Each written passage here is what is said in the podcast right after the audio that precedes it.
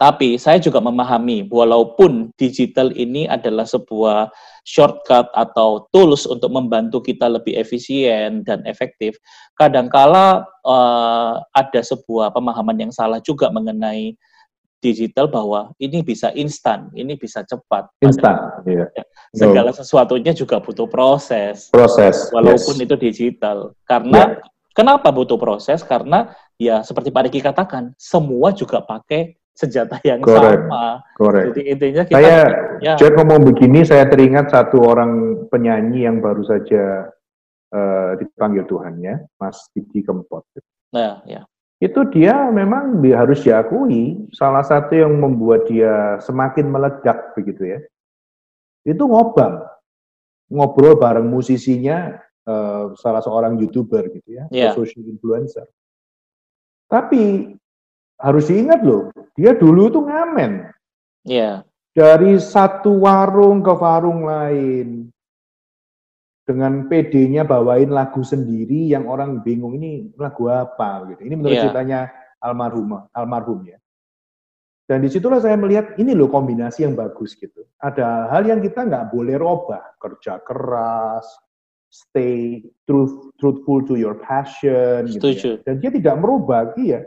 Tapi tidak juga nutup nutup mata terhadap youtuber, terhadap you know itu loh yang membuat dia akhirnya luar biasa ini orang itu. Dan dia berangkat dari satu konsep yang sederhana, Jack, yaitu patah hati itu bisa dijogetkan gitu loh. itu wow gitu ya, ternyata bisa ambiar ya. lagu yang yang jatuh cinta itu kalah dengan lagu orang yang bertahan ketika dikhianati. Gitu. Yes. Dan itu dia stay stay ini toh, dia kita apa betul bapak juga ngalami? Iya dia dulu ngalami. Iya benar sekali. So itu mungkin satu ilustrasi yang bisa bisa pas ya bahwa betul tadi saya katakan nggak nggak instan saya bisa bayangkan dia ditolak ya mm-hmm. Dari mana dari dari apa namanya orang-orang yang terus tinggal di satu tempat kos yang kecil sekali ceritanya itu melas banget makan itu ngutang Jack ya yeah.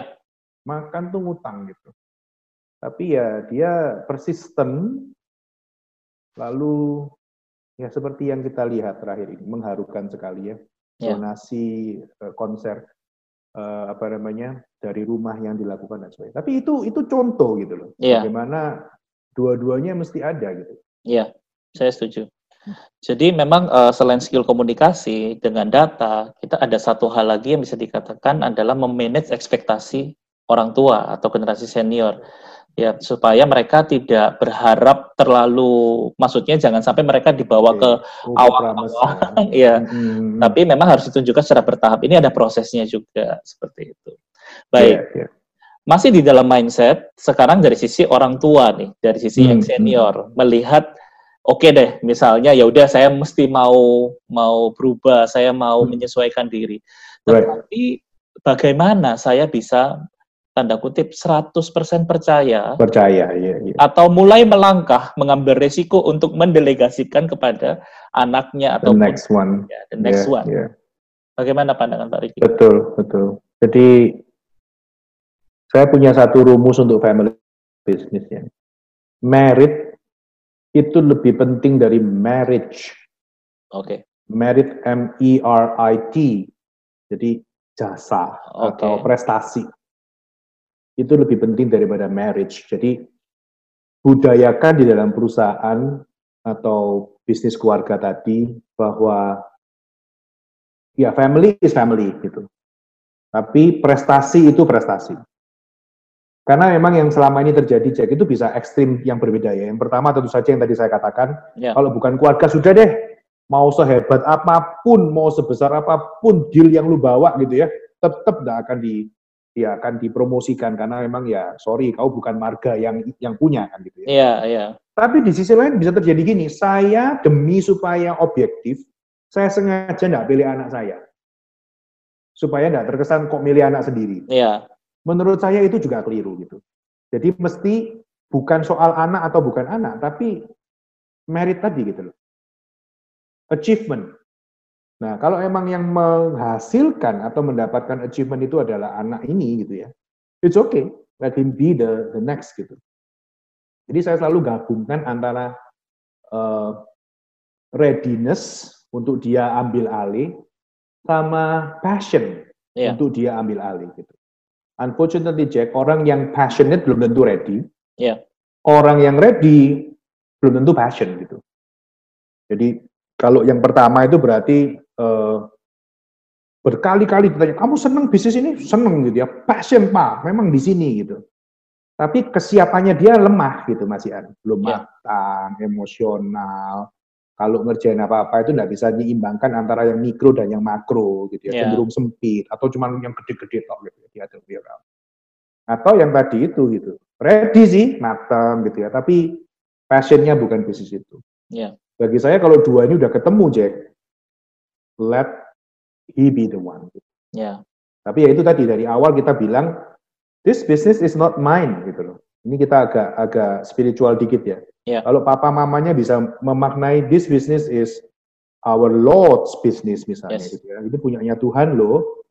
Jadi papa juga tidak boleh pilih pemimpin yang akan you know mengacaukan gitu loh. Meskipun itu anak sendiri gitu ya, nggak yeah. boleh gitu.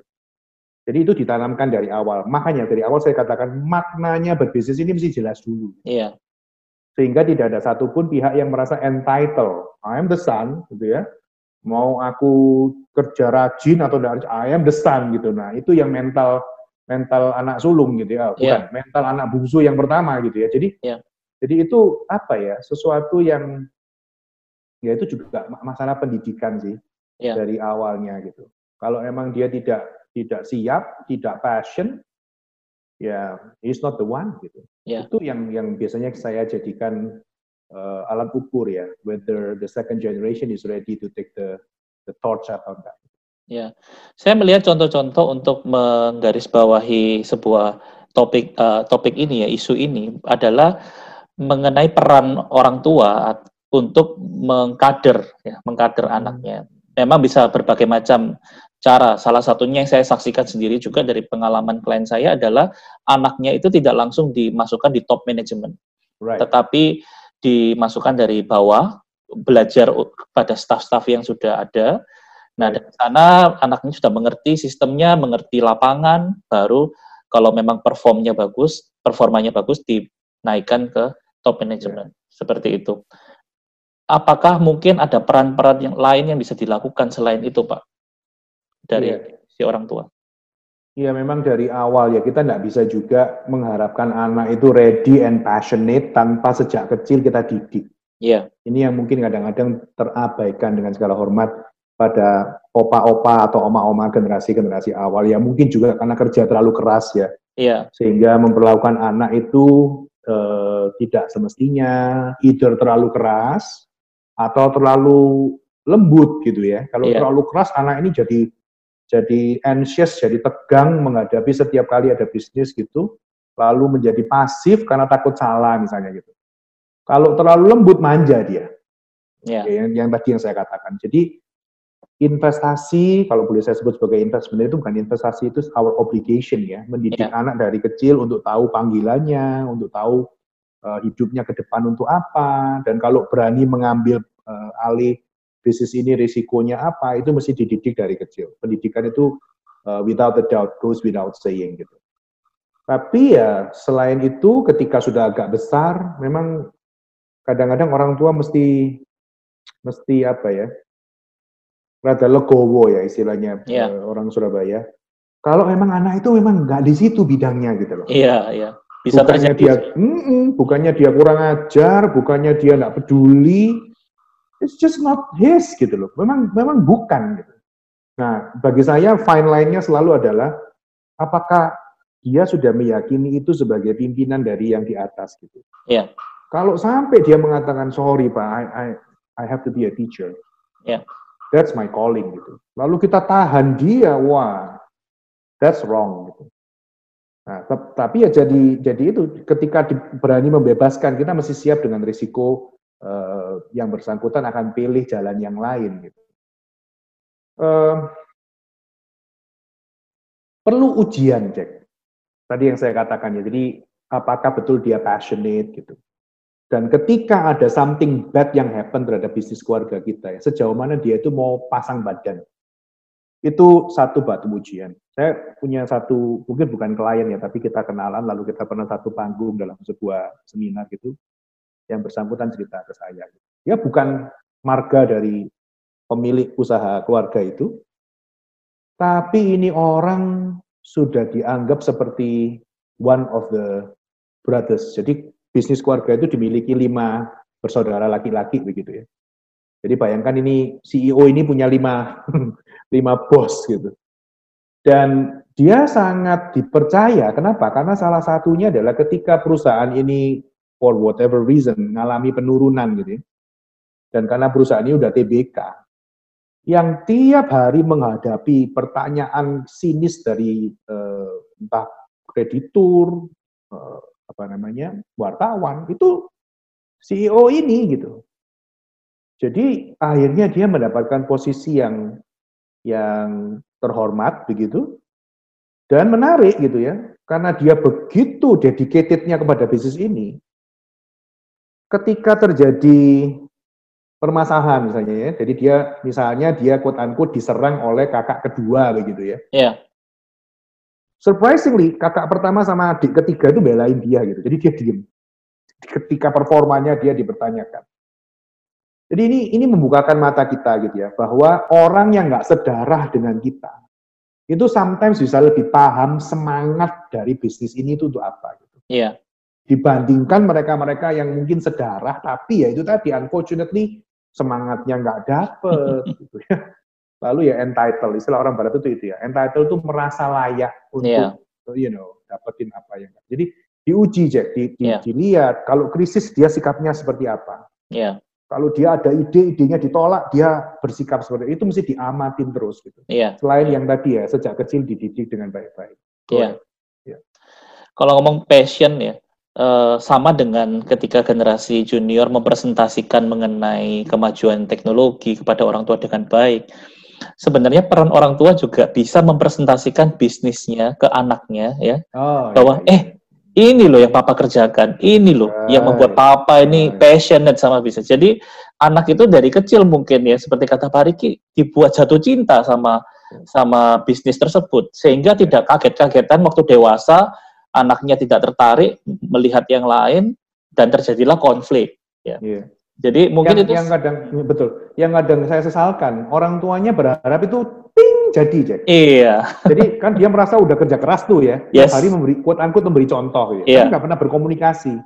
Iya. Lalu ketika nih anak lulus sarjana ekonomi atau mungkin master of business administration gitu ya, udah di sekolah lain sampai Amerika mungkin.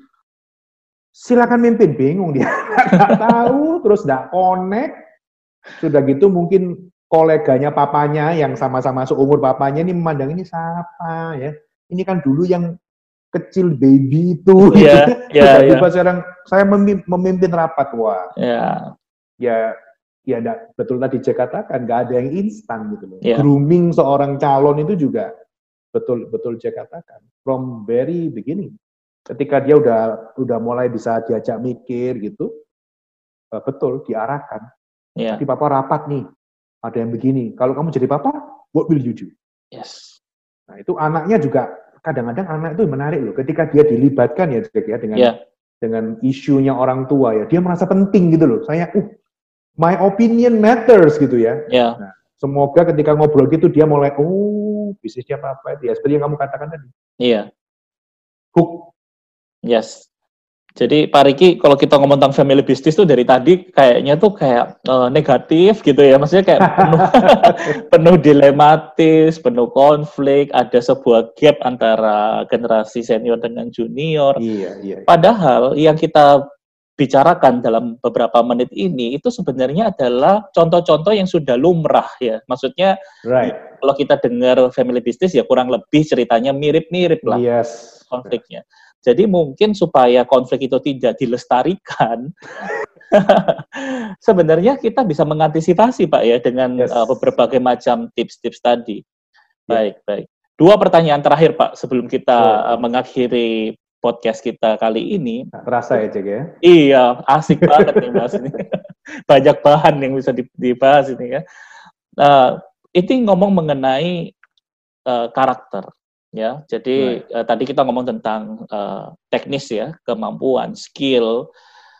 Sebenarnya salah satu solusi atau mungkin bisa jadi satu-satunya solusi untuk mengurangi konflik atau sebuah gap ini ya adalah sisi karakter yaitu kalau bisa saya katakan saya ambil dari salah satu value-nya uh, UK Petra ya like itu adalah tentang humil humility humility wow. humility tentang humility. kerendahan hati yang tidak hanya dimiliki oleh generasi junior tapi juga generasi senior right uh, ini kalau memiliki ini kita itu bisa membuat so, uh, apa ya maksudnya gini era digital, COVID digital, itu memang benar, kalau kita mendengar kata digital itu teknis sekali, tetapi okay. tidak cukup kalau kita menguasai teknis saja, kita perlu karakter, yes. yaitu humility itu. Itu yang membentuk seorang leader. Correct. Sehingga kita bisa katakan kalau di UK Petra, mem, uh, bahasanya adalah digital leader. Digital leader, ya. Yeah. Apa peran digital leader di era COVID digital ini, Pak Riki?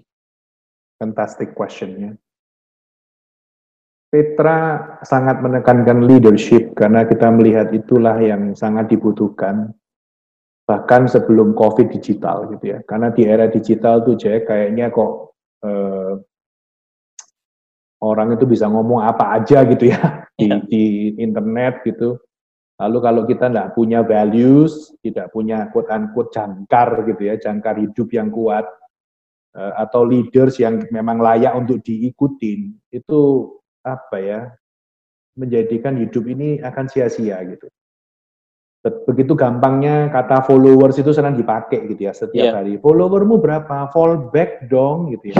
Padahal kalau ada followers ya itu berarti harusnya ada leaders. Yeah. Dan bukan untuk diperjualbelikan gitu ya. Fallback itu artinya kan aku ikut kau karena kau ikut aku gitu loh. Yeah. No, kita tidak mau disetir oleh mesin-mesin algoritma seperti itu. Gitu. Jadi kita perlu punya pendirian. Ya. Leadership itu adalah uh, orang yang mengambil inisiatif untuk mempengaruhi orang lain karena dia tahu hidup itu harusnya seperti apa. Jadi salah satu ya yang yang cukup sulit eh, dilakukan untuk anak-anak muda ya. Saya jadi dosen 21 22 tahun, Cek. Itu adalah pinter, skillful, bahasa Inggrisnya cascis cus gitu ya. Tapi kalau ditanya mau magang gimana? Nggak tahu, Pak. Nanti setelah lulus, kamu digodok, digembleng tiga setengah sampai empat tahun ini. Setelah selesai, setelah wisuda itu ngapain? Belum tahu, Pak. Itu loh. Ya, di satu sisi kita bisa bilang rendah hati banget gitu ya, maksudnya nggak mau memastikan mau ngapain gitu loh. Tapi Jack pasti paham ya bahwa kalau dia nge, apa ya, istilah orang sekarang ngeplan gitu ya. Ini loh. Nah, ngeplan itu nggak boleh ngasal karena kita punya jangkar gitu. Iya, nggak boleh ngeblank. kita ngeplan nggak boleh ngeblank. Betul. Maxwell mengatakan, uh, Jack, leadership ya. Yeah. Good leaders itu preparing, cek. Bad leaders, repairing. Jadi cuma main satu kata loh, satu huruf loh, P. Jadi prepare atau repair gitu. Nah, buat orang yang selalu coba-cobain hidupnya, dia akan cenderung repair. Atau kalau tuh berhasil ya by chance gitu ya. Lu tepaan, lu ketemu gitu. Padahal harusnya ditata. Itu yang menyebabkan di UK Petra ini kita getol tekankan yang namanya leadership. Karena itu bicara soal mengelola diri, karena kita tahu hidup ini kalau kita nggak kelola aja, kita bisa sibuk tapi kosong. Gitu. Makanya ada 8 jam di depan internet itu saya mikir, iya oke. Okay. Tapi kalau itu berakhir dengan nggak nggak ada apa-apa ya, cuman ketawa, ngelihat apa meme lucu, ngelihat lawak gitu ya. Terus satu hari 24 jam itu lewat begitu saja gitu loh. Nah itu nggak nggak akan terjadi buat orang yang tahu what is my life for. Lalu kami menekankan servant leadership, ya. jadi bukan hanya untuk apa ya saya, untuk saya, enggak. Gitu. Karena kita paham betul, Einstein juga pernah mengatakan bahwa hidup yang berarti itu hidup yang untuk orang lain. Jadi kita menekankan itu. Ini klasik, Jack. Apa pun eranya, saya rasa nggak akan berubah gitu ya. Bahwa leadership is about you know, leading yourself, serving others gitu. Tapi kita combine dengan yang tadi saya katakan digital itu, gitu.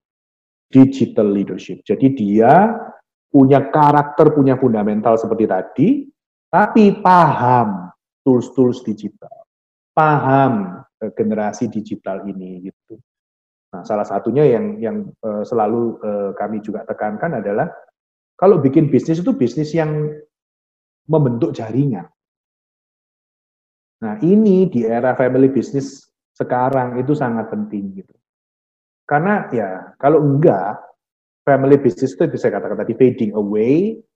Lalu di era ini kalau enggak ada jejaring yang bagus ya, anggotanya itu cenderung akan mau lari sendiri-sendiri. Gitu. Karena di era kita sekarang, ini era kalau bahasa gampangnya itu eranya orang nyambi. Gitu ya. ya kerja full time, tapi punya YouTube. Iya, ya, multitasking. iya, ini ada satu dosen baru ngupload ya. di sosial medianya, baru gajian dari YouTube katanya. Oh, dosen. luar biasa. Iya, itu ya. Nah, tapi ya itu tadi kalau kalau ini nggak dikelola, ya. untuk suatu purpose yang yang bagus dalam sebuah organisasi family business yang yang uh, bermakna gitu ya akhirnya ya tidak tidak menjadi apa-apa gitu. Yes. So digital leaders itu perlu karena dia akan mengarahkan deh di tengah lautan informasi ya lautan uh, data ini dia tahu oh ini ini ini emas ini ini sampah ini nggak pakai ini ini harus diambil gitu ya lalu dari situ dia mencapai tujuan hidupnya gitu apa-apa yang dia emang uh, dipanggil dan sekali lagi ya, panggilan hidup bukan berarti jadi dokter, jadi you know, yang profesi-profesi mulia itu gitu. Yeah. Kita buka toko roti, kita punya resto, kita punya kafe, kalau kita kerjakan itu sebagai this is my calling gitu. Yeah. Dan di zaman ini saya harus jangkau dengan cara-cara digital tadi. Wah, saya membayangkan kuliah itu betul-betul exciting gitu. Karena tiap hari kita menata diri kan, nyiapin yeah. oh ini saya hari ini belajar ini untuk apa, saya belajar ini untuk apa, kaitannya dengan sehari-hari seperti apa. Omongan dosen bisa dicek langsung. Yes. Jadi exciting banget lah menjadi yeah. seorang digital leader. Nah supaya ya tadi family-nya ini terarah sekaligus modern, stay yeah. relevan tadi gitu. Uh, di, di era yang seperti ini. Yeah. Gitu. Pertanyaan pamungkas, Pak. Wow. Bisa nggak dari hasil diskusi kita, kita sudah memaparkan problemnya, fenomenanya, konflik-konfliknya, ya, drama-dramanya, lalu perubahan-perubahan dari setiap masa. Bisa nggak kita katakan bahwa digital leadership ini adalah sebuah missing puzzle yang akan jadi pelengkap dari dua generasi ini? The answer is yes. Yes. Karena uh, dia menggabungkan klasik leadership gitu dan uh, modern eranya digitalization gitu. Jadi kalau uh, kedua belah pihak bisa sepakat bahwa karena di dalam leadership ada visi dan kemudian tujuan-tujuan yang bermakna tadi gitu ya, itu ketemunya di leadershipnya gitu. Digitalnya lebih ke arah mengefektifkan bisnisnya, memastikan bahwa itu relevan. Berbisnisnya dengan cara-cara yang memang relevan dengan zaman yang sekarang ini. Yes, it is not just the missing puzzle I believe for a family business atau family businesses, tapi itu the missing puzzle untuk era kita ini gitu. Yes, coffee tapi, digital. Betul, jadi kita semua berdigital ria tapi nggak ada arahnya. Itu makanya perlu digital leaders atau digital leadership. Iya. Luar biasa Pak Riki. Jadi Petranesian yang mendengar podcast kali ini pastinya cepat atau lambat uh, Petranesian yang sedang kuliah pastinya juga nantinya akan lulus akan menghadapi hal-hal yang mungkin yang sudah kita diskusikan tadi akan terjadi dalam realita Anda di masa-masa depan ketika Anda harus berhadapan dengan orang tua meyakinkan mereka bagaimana memilih timing yang tepat untuk presentasi. Nah, semoga podcast kali ini bisa bermanfaat buat Petranesian, bisa juga menjadi tools untuk Petranesian bisa memperdengarkan mungkin ke orang tuanya atau ke yes. generasi seniornya tidak harus bisa menyampaikan sendiri, bisa menggunakan tools-tools yang ada termasuk salah satunya juga Petra Business Insight ini podcast yes. kita yang bisa diakses lewat Spotify dan juga lewat YouTube. Jadi jangan lewatkan setiap episode dari podcast kita karena topik-topik yang akan dibahas itu pastinya kita memilih topik-topik yang relevan yang sedang dialami sehingga topik-topik ini bisa memberikan solusi buat para Petranesian. Seperti itu. Terima kasih Pak Riki untuk Thank waktunya, insight-nya yang luar biasa. Saya yakin Pak Riki ini memberikan insight tidak hanya dari sekedar teori yang dia pelajari, tetapi juga dari pengalaman. Karena Pak Riki juga bersinggungan dengan industri, sehingga apa yang dia sampaikan, apa yang kita bahas itu benar-benar bisa uh, ya semoga lagi balik lagi bermanfaat buat hmm. teman-teman Petranesia. Down to earth ya. Iya, yeah, yeah. down to earth. Terima Thank kasih. You, Sampai Thank jumpa you. di episode selanjutnya di topik-topik yang lebih menarik lagi, lebih asik dan lebih seru tentunya. Oke, salam Petranesian. Salam Petranesian.